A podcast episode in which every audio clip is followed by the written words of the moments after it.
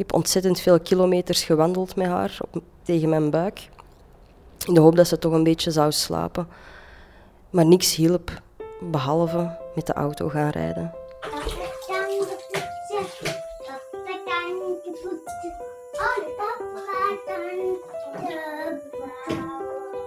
Ja, je creëert er natuurlijk een gewoonte mee dat je erbij blijft om te slapen, totdat ze slapen. Als ik zou tellen, ik heb inderdaad al vele uren daarnaast gelegen. Ja, vind ik dat erg? Nee. Uh, we leggen ze wel niet tussen ons in, um, omdat dat nog één risico extra, namelijk mezelf, uh, voor verpletting of uh, verstikking of zo zou met zich meebrengen.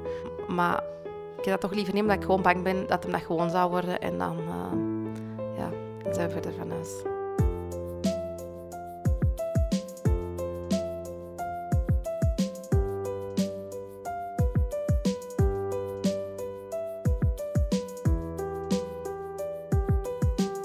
Dit is Vraag het aan, een podcast van EOS Wetenschap. Ik ben Lisbeth Gijssel en in vier afleveringen zal ik het hebben over opvoeding. Mama of papa worden, het is een breuklijn in je leven. Plots is daar een wezentje dat helemaal van jou afhangt. Hoe moet dat dan, ouder zijn? Doe ik het wel goed? Elke ouder heeft wel eens twijfels. Als mama van drie zonen zit ik ook geregeld met de handen in het haar. Hoe doen andere ouders dat, denk ik dan? Wel, ik heb het hen gevraagd. Ik ben Lemja, ben 34 jaar oud, uh, mama van Shams. Ik ben Lotte, alleenstaande mama van Nette.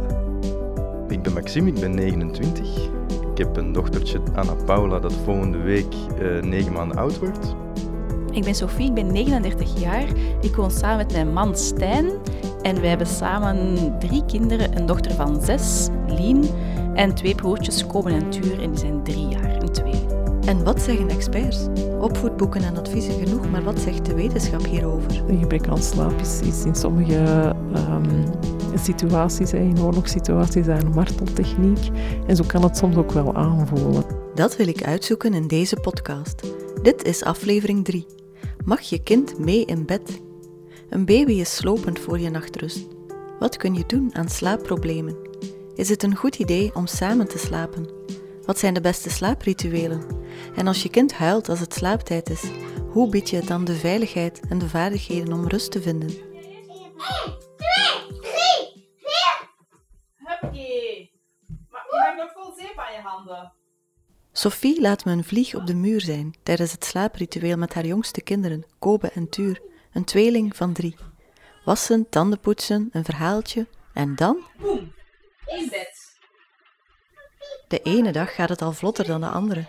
En er is natuurlijk niet alleen de tweeling, Kobe en Tuur, maar ook Lien, de dochter van zes. Zij wordt ook nog graag in bed gestopt en een verhaaltje voorgelezen.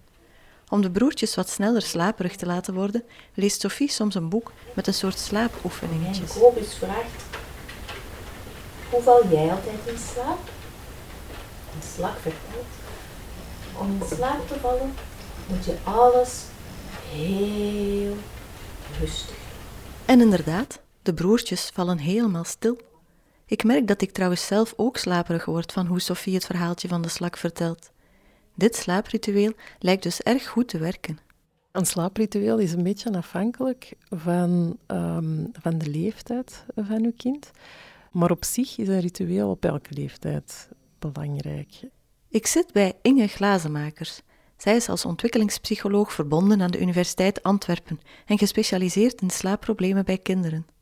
Door een ritueel te hebben, een, vaste routine te hebben, ga je um, ja, je, kind eigenlijk de voorspelbaarheid geven en de veiligheid uh, geven om gemakkelijker in slaap te kunnen vallen.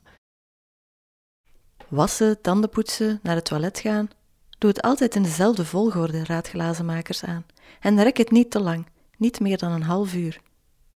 Omdat kinderen dan um, nog wel de cue kunnen leggen tussen um, we gaan, gaan slapen en effectief in, in bed uh, geraken. Um, voor, allee, voor die oudere kinderen is het belangrijk dat er ook een momentje uh, is tussen jou en je kind hè, als ouder. Um, en dat kan een voorleesmomentje zijn, maar dat kan ook een vertelmomentje zijn. Hè. Vertel eens wat er leuk was aan, uh, aan vandaag, of welke leuke dingen heb je allemaal gedaan. Um, dat kan ook een momentje zijn dat je een liedje uh, zingt. dat, dat kan je zelf invullen als ouder, hè, waar dat jullie jullie alle twee heel goed bij voelen. Um, maar dat, klein momentje is vaak wel nodig voor kinderen, waar dat je even je um, volledige aandacht aan je kind uh, kan geven. Want dat zijn de momenten waarop dat kinderen zich emotioneel kunnen opladen en waardoor dat makkelijker gaat worden om in alle rust in slaap te kunnen vallen. Ook Lotte leest s'avonds vaak voor aan Nette, haar dochter van drie. Of ze zingen samen een liedje. Ik ben vorig jaar begonnen met het avondlied van de Scouts te zingen. En dat is blijkbaar iets dat ze heel graag hoort. Dus heel dikwijls uh, wordt dat liedje gezongen. Of slaap, kindje, slaap vindt ze ook leuk. Maar dan moet ik niet kindje zeggen, maar slaap, draakje, slaap. Of slaap, nette, slaap. Draakje, het is de lievelingsknuffel van Nette. Ze heeft nog zeven andere knuffels bij haar in bed.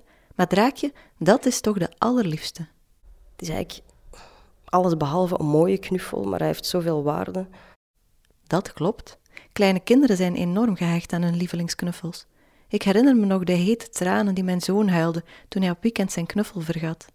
Waarom zijn die plusjebeesten eigenlijk zo belangrijk? Ja, we noemen dat een transitioneel object. Dat is iets waar je kind uh, de veiligheid en de geborgenheid um, aan toedicht. En, en waar je kind kan helpen om greep te krijgen op, op uh, zijn eigen emoties, op zijn eigen gevoelens. Vaak helpt het ook als dat de geur van mama uh, heeft.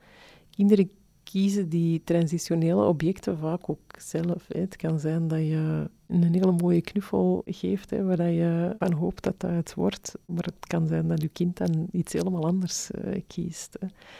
Waar een kind ook kiest als transitioneel object, uh, vaak is het belangrijk om daar ook wel een dubbeltje van te hebben. En dan nog, hè, dan is het belangrijk dat dat af en toe eens verwisseld wordt, want anders heeft heeft die knuffel of dat doekje niet de juiste geur om dat kind tot rust eh, te kunnen uh, brengen, hè? Of, of niet de juiste textuur. Dus het is belangrijk dat dat dan regelmatig is vervangen kan worden door het alternatief. En zo'n knuffel kan dan waarschijnlijk ook helpen om um, zelfstandig in slaap te kunnen vallen. Zo'n knuffel kan inderdaad helpen om, om zelfstandig in slaap te vallen, omdat dat bij wijze van spreken het verlengde van u als ouder is. Hè? En je gaat dat nabijheid kunnen bieden zonder zelf nabij te zijn. En dat helpt kinderen inderdaad voor een stukje om, om zichzelf tot rust uh, te kunnen laten komen. Een transitieobject dus, dat het kind helpt om de overgang te maken van afhankelijkheid van de ouders naar meer zelfstandigheid, via een voorwerp dat een beetje kan instaan voor mama of papa. Sophie kiest ervoor om zelf nabij te blijven ze blijft bij haar kinderen tot hun ogen dichtvallen. Ja, je creëert er natuurlijk een gewoonte mee dat je erbij blijft om te slapen, totdat ze slapen. Als ik zou tellen, ik heb inderdaad al vele uren daarnaast gelegen. Ja, vind ik dat erg? Nee. Ik voel dat precies toch dat ze zo die, die nabijheid wel tof vinden. Het is vaak wel nog een gezellig moment. Een gezellig moment voor Sophie. Andere ouders denken misschien: wanneer heb ik nog eens tijd voor mezelf vanavond? of voor mijn partner? Hoe zorg je ervoor dat je kind alleen in slaap kan vallen? Als je op dit moment bij je kind blijft om dat in slaap te doen vallen, ja, verandert dat niet van de ene op de andere moment, maar probeer dat geleidelijk aan af te bouwen. En dat kan zijn door, um, ja, als je nu bij je kind in bed gaat liggen om te wachten vooraleer dat slaapt, ja, gaat dan al eens zitten op de rand van het bed en ligt er niet meer mee onder de deken. Um, als je, um, als je op de zijkant van dat bed ligt, ja, pak een stoel en zet je naast dat bed en, en probeert je stoel dan geleidelijk aan uh, richting deur te verschuiven. Kan dat trouwens kwaad, als je bij je kind blijft tot het slaapt? Als jullie jullie op dit moment alle twee heel goed voelen bij de manier waarop dat je dat nu doet, ja, dan, dan ja, wie ben ik dan om te zeggen dat dat verkeerd is. Hè? Um, weet wel dat dat waarschijnlijk dan ook de situatie zal zijn die de kind de volgende keer ook nodig zal hebben om in slaap te kunnen vallen. Um, dus als je niet van plan bent om dat lang vol te houden, dan kan je beter geleidelijk aan um, het afbouwen. Zo'n gezellig bedmoment, dat hebben ook Maxime, zijn vrouw Merel en een dochtertje Anna Paula. Anna Paula is negen maanden en het gezin kruipt gewoonlijk s'avonds samen onder de wol.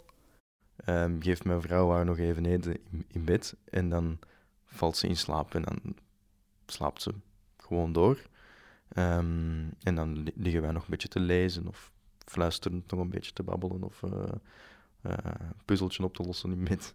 Maxime en Merel waren van plan om hun dochter in een co-sleeper te laten slapen. Een bedje dat je met één kant open naast het ouderlijk bed kunt schuiven. Maar al snel verhuisde Anna Paula van de co-sleeper naar het grote bed. Ook omdat mijn vrouw nog veel borstvoeding geeft, uh, hebben we eigenlijk uh, in overleg met de vroedvrouw, die we in het begin van uh, de periode dat Anna Paula geboren is, hier over de vloer kregen, hebben we eigenlijk besproken dat dat niet zo erg is.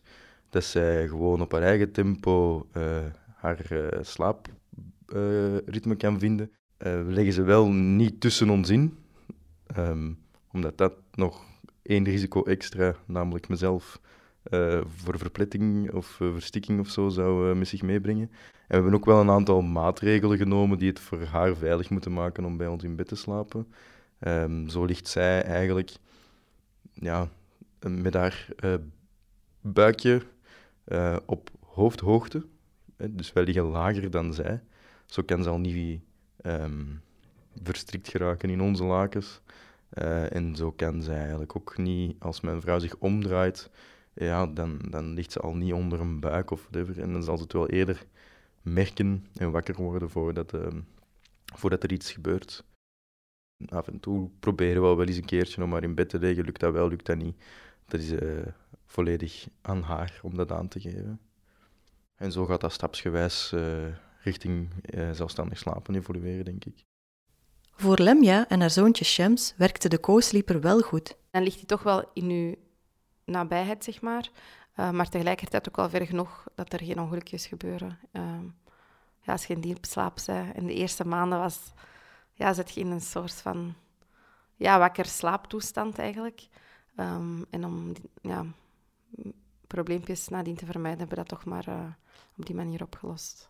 Shams is intussen anderhalf. Alleen in uitzonderlijke omstandigheden mag hij alles mee in bed bij zijn ouders.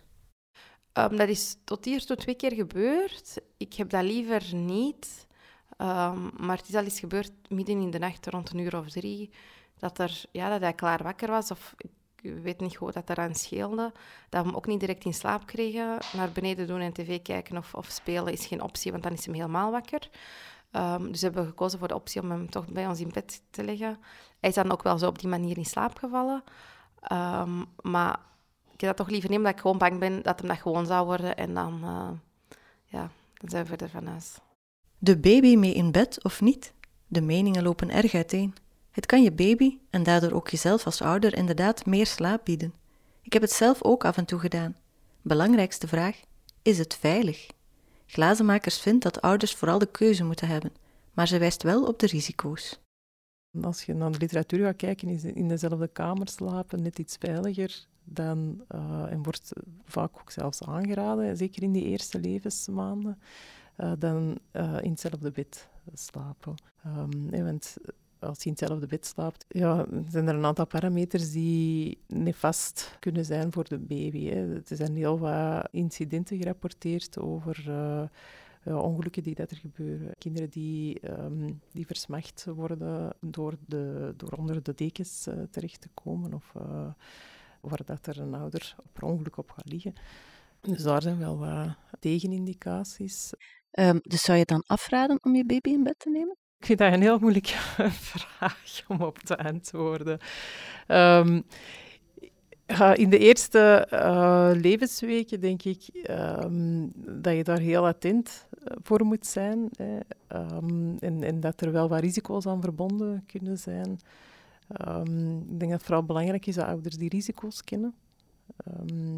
maar ja, ouders hebben zelf een keuze hè, in, in ja, of dat ze hun kind samen in bed nemen, ja of nee. vanuit eh, ja, de wetenschap zou ik eerder adviseren om, om een jonge baby in, in dezelfde kamer te laten slapen dan um, in hetzelfde bed. In dezelfde kamer wel dus, want dat heeft een aantal voordelen. Je merkt het veel sneller als er iets is. Als de ademhaling van je baby niet goed zit, bijvoorbeeld. Tot zes maanden is dicht bij je baby zijn sowieso heel belangrijk. Hem troosten als hij huilt, tegemoetkomen aan alle behoeften. Een baby kan zichzelf niet tot rust brengen, daar heeft hij een volwassene voor nodig. Daarna kun je langzaam maar zeker wat meer afstand nemen, zegt Glazenmakers. Want ja, zo'n baby in je eigen kamer, het kan erg vermoeiend zijn. En veel privacy heb je ook niet meer. Zeker als je kind weinig slaapt, zoals Nette. Nette heeft trouwens van begin af aan apart geslapen. Nu ja, slapen. Van slapen kwam vaak niet zoveel in huis. Ik heb ontzettend veel kilometers gewandeld met haar tegen mijn buik. In de hoop dat ze toch een beetje zou slapen. Maar niks hielp, behalve met de auto gaan rijden. Iets waar ik eigenlijk niet volledig achter sta, maar op een gegeven moment moet dat ouder uh, toegeven daaraan. Beweging heeft, heeft een beetje een effect op het lichaam van een baby. Hè. Sommigen herleiden dat terug naar, naar de baarmoeder, hè, waar dat baby's ook eigenlijk continu in beweging uh, zijn.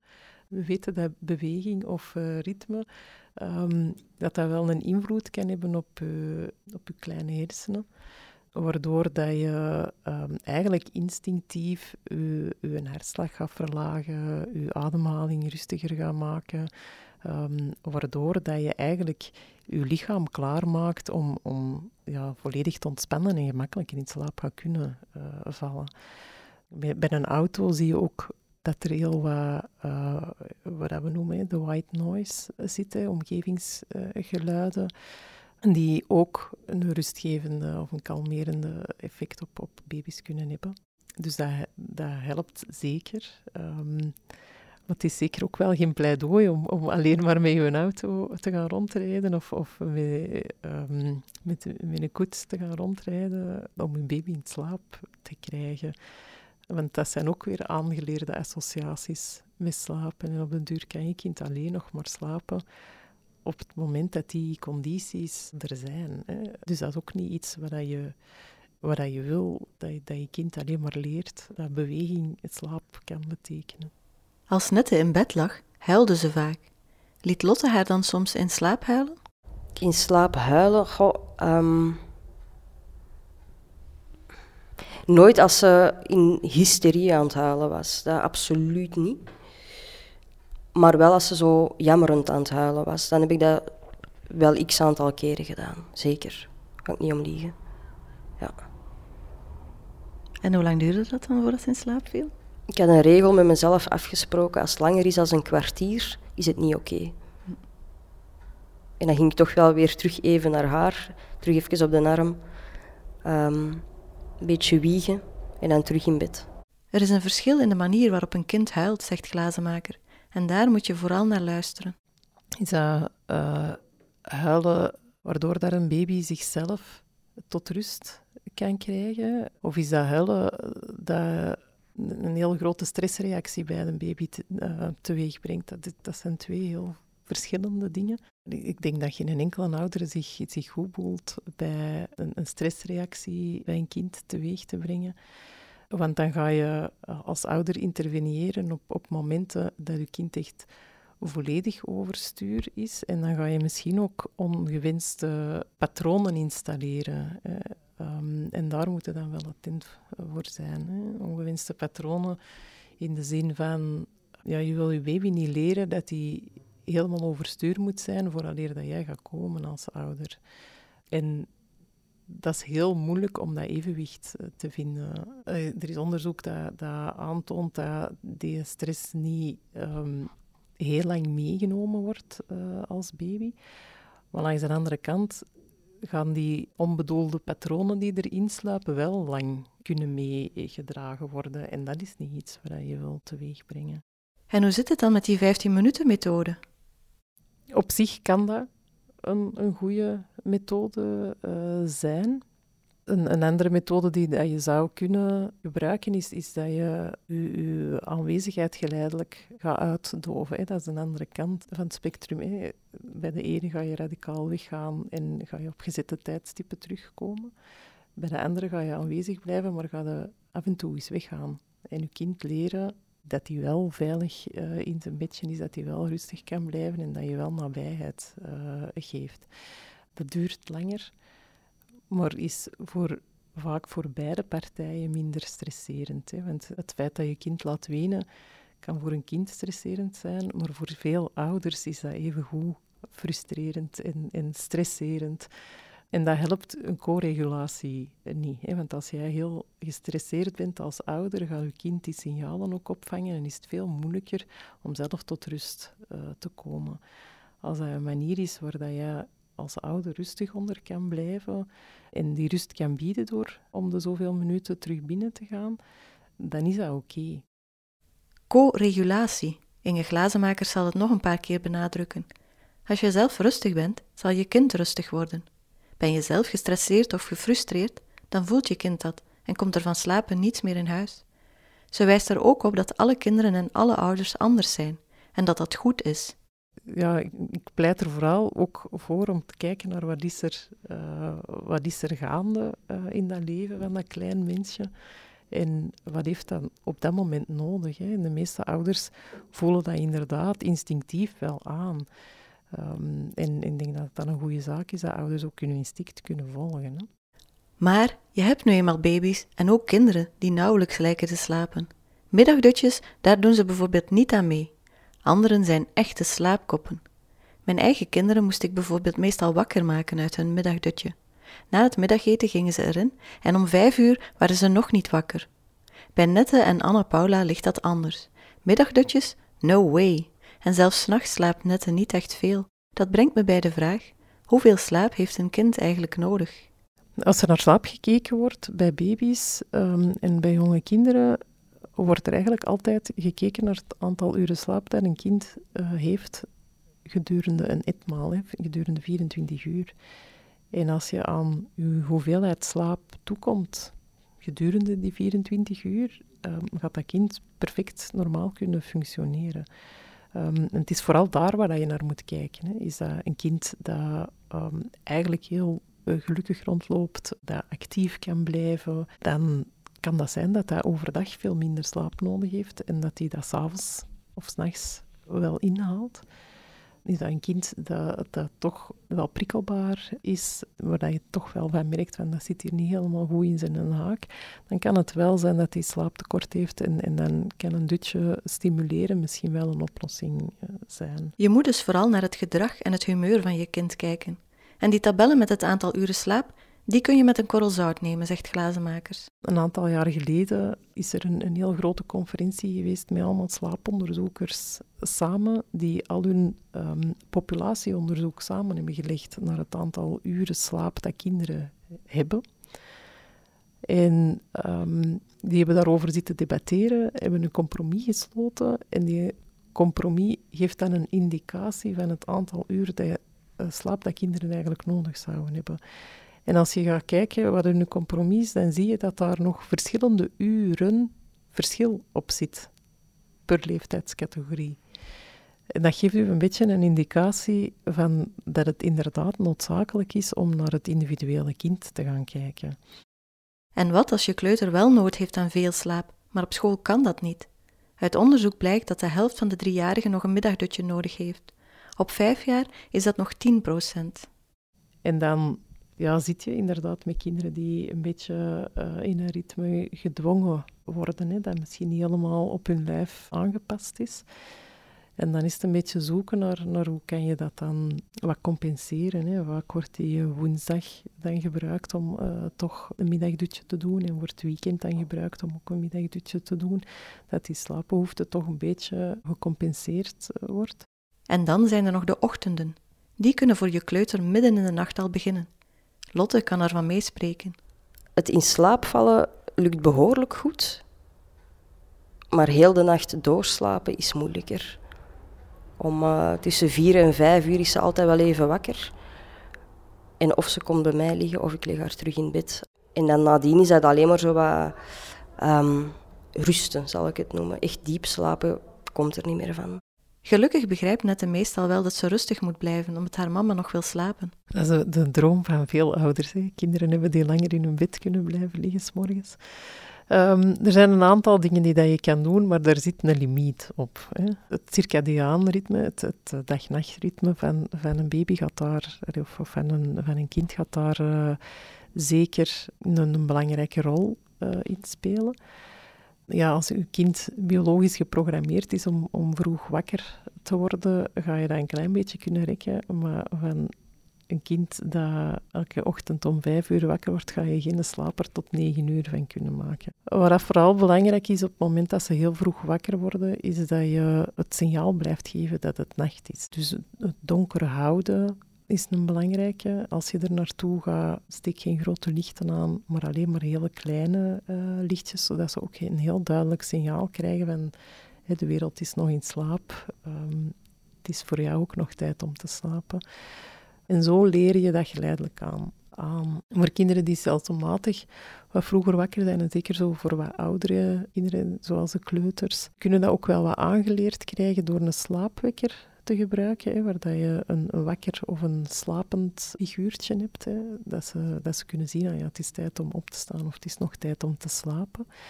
Maar ook daar moet je geleidelijk werken. Hè. Als je kind, ik zeg maar iets nu, om, om uh, zes uur wakker wordt en je wil eigenlijk graag dat het tot zeven uur blijft liggen, zet dat beestje niet ineens om zeven uur.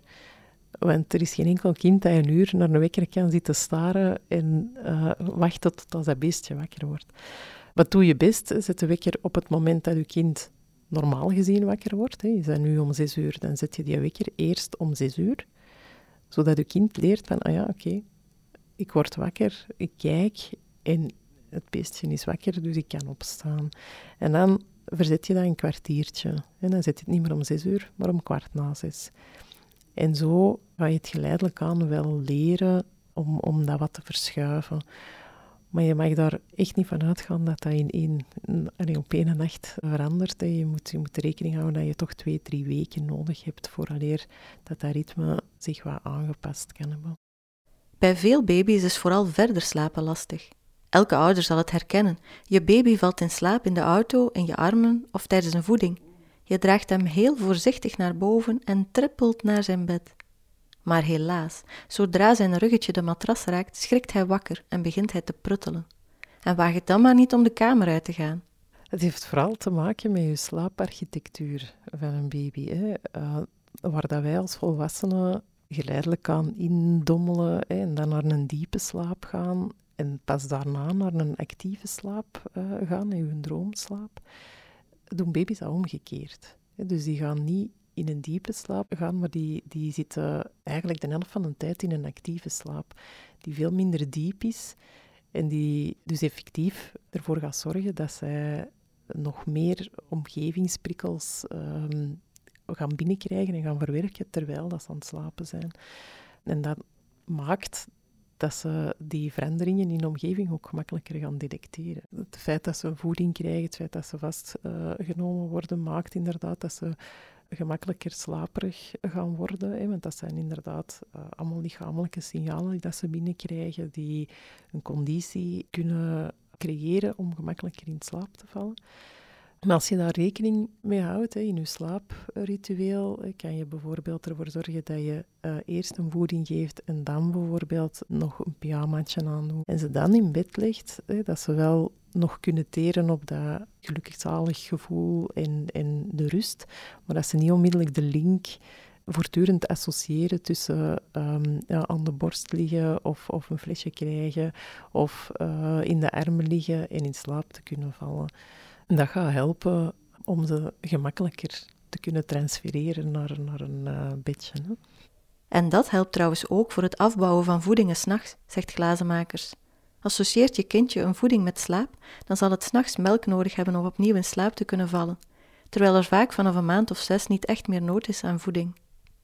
Nogmaals denk je dat het vooral belangrijk is dat je, dat je de associatie tussen het eten en het slapen een beetje verder uit elkaar probeert te trekken in je slaapritueel, waardoor dat je de behoefte niet creëert of in stand houdt om s'nachts een voeding te moeten uh, hebben. En probeer een baby s'avonds slaperig, maar wakker in bed te leggen, zegt ze. Daar is wel wat evidentie voor dat, dat kinderen die wakker maar slaperig in een beetje gelegd worden, dat die daarna ook veel gemakkelijker zichzelf kunnen reguleren en in slaap kunnen vatten op een zelfstandige manier. Sophie en haar gezin hebben niet alleen een slaapritueel, maar eigenlijk ook een ochtendritueel.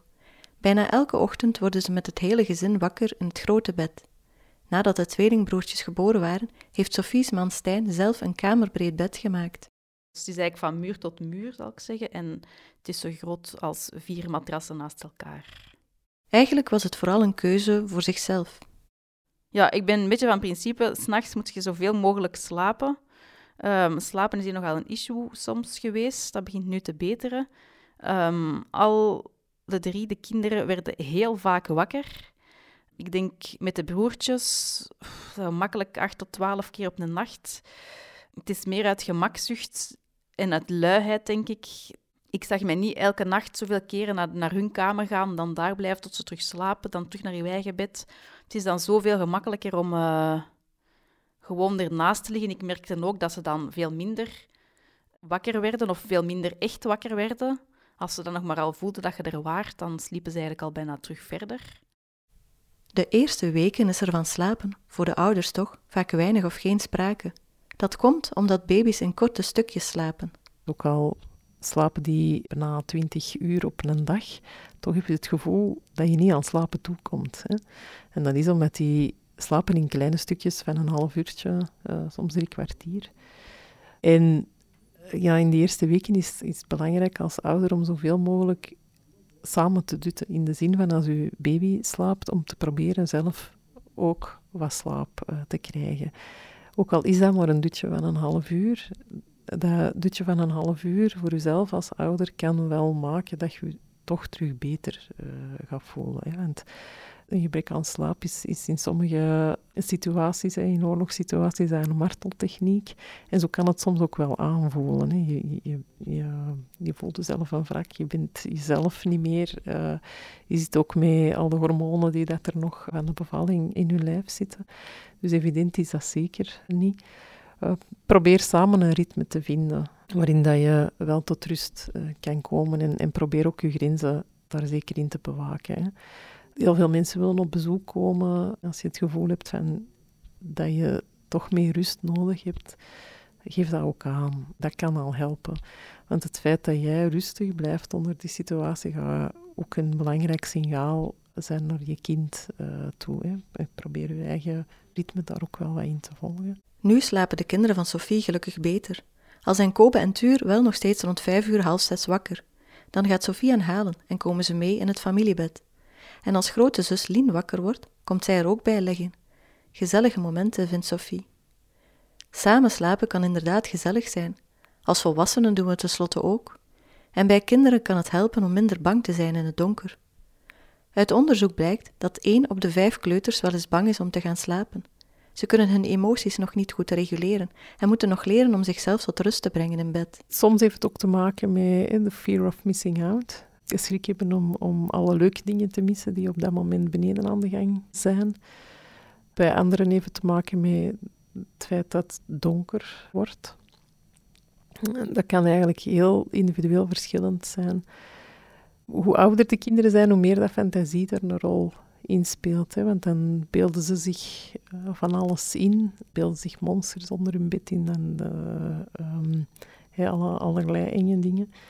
En dat is ook ja, te kaderen in hun ontwikkeling. Hè? Want ook dat zijn emoties waar dat ze zelf wat op moeten leren krijgen en waar dat ze zichzelf terug in moeten kunnen leren kalmeren. Hè? En, en bij de een gaat dat inderdaad ook wel makkelijker lukken dan bij de andere. Hoe ga je daar best mee om als ouder, als je kind bang is om te gaan slapen? Uh, een beetje proberen eh, te zien van waar dat die angst komt. Is, is het van het feit dat het donker is, uh, dan kan een lampje wel helpen. Probeer wel geen grote lichten aan te laten, want als een kind lichtprikkels binnen blijft krijgen, dan kan dat een impact hebben op je slaaphormoon. Hè. En je slaaphormoon heb je niet alleen nodig om te kunnen inslapen, maar ook om goed te kunnen doorslapen. Het met andere zaken te maken, ja, dan, dan moet je een beetje gaan kijken van waar dat komt. Hè. Bij veel kinderen komt dat van een nachtmerrie dat ze gehad hebben. En is het een beetje een schrik om in te slapen, om terug in die nachtmerrie uh, terecht te komen. En dan kan het helpen door, door aan te geven dat ze zelf controle kunnen hebben over hun droom. En uh, is op een rustig moment het over die droom te hebben en alternatieve uitkomsten te gaan verzinnen. En hoe gaan ze die krokodil verslaan waar dat ze over gedroomd hebben? Of hoe kunnen ze die wegjagen? En door daar overdag op een rustig moment over na te denken, geef je ze eigenlijk ja, copingstrategieën in hun droom. Hè, waardoor dat die angst ja, niet meer heel uh, groot gaat zijn, maar dat ze toch het gevoel hebben van ja, ik, ik, ik kan dingen doen om uh, er tegenin te gaan. Wat dat gaat maken dat ze toch gemakkelijker tot rust kunnen komen. Bij sommige kinderen helpt zo een, een magisch voorwerp, iets wat hen gaat beschermen. Dat kan een, een, steen zijn die dat je beschilderd hebt. Of um, een, een, speciaal magisch watertje dat je uh, op, op de knuffel of op het kopkussen um, van het kind spuit. Omdat ze op die manier het gevoel hebben van ja, ik sta er niet alleen uh, voor, maar er zijn dingen die dat mij kunnen helpen en die mij kunnen beschermen. En dat kan ook gewoon rust brengen um, bij kinderen. Dus je gebruikt eigenlijk hun fantasie om hun fantasie te bestrijden, als ik het zo hoor. Um, in zekere zin wel, hè, om, omdat ze vaak zelf heel inventief zijn om oplossingen um, te vinden. En op die manier leer je ook een beetje probleemoplossingsvaardigheden aan, aan, aan je kinderen in één, één stuk door. En dat kan wel helpen.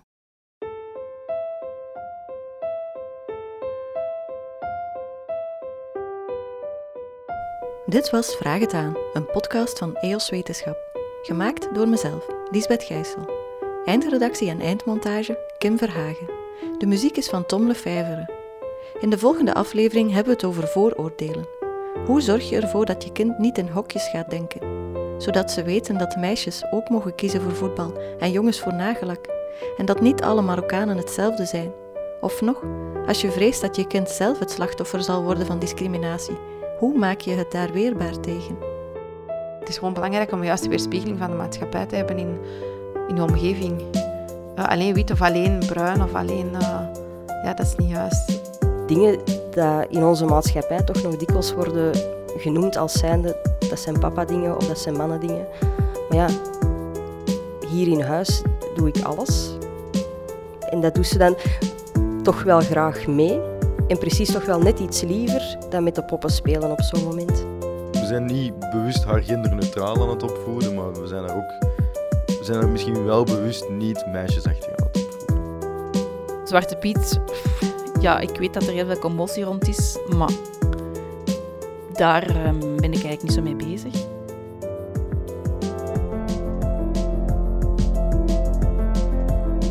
Vond je deze podcast interessant? Schrijf dan een review, zo kunnen anderen hem makkelijker ontdekken. Wil je meer weten over opvoeding? Surf dan naar www.eoswetenschap.eu opvoeding. Ben je gebeten door wat de wetenschap te vertellen heeft over het grootbrengen van kinderen? Verdiep je dan nog verder met de EOS Special over opvoeding, een luxueuze uitgave die het onderwerp nog dieper verkent. Je bestelt hem online op www.tijdschriftenwinkel.be. Bovendien steun je met je aankoop de VZ2 EOS Wetenschap en maak je podcasts als deze mogelijk.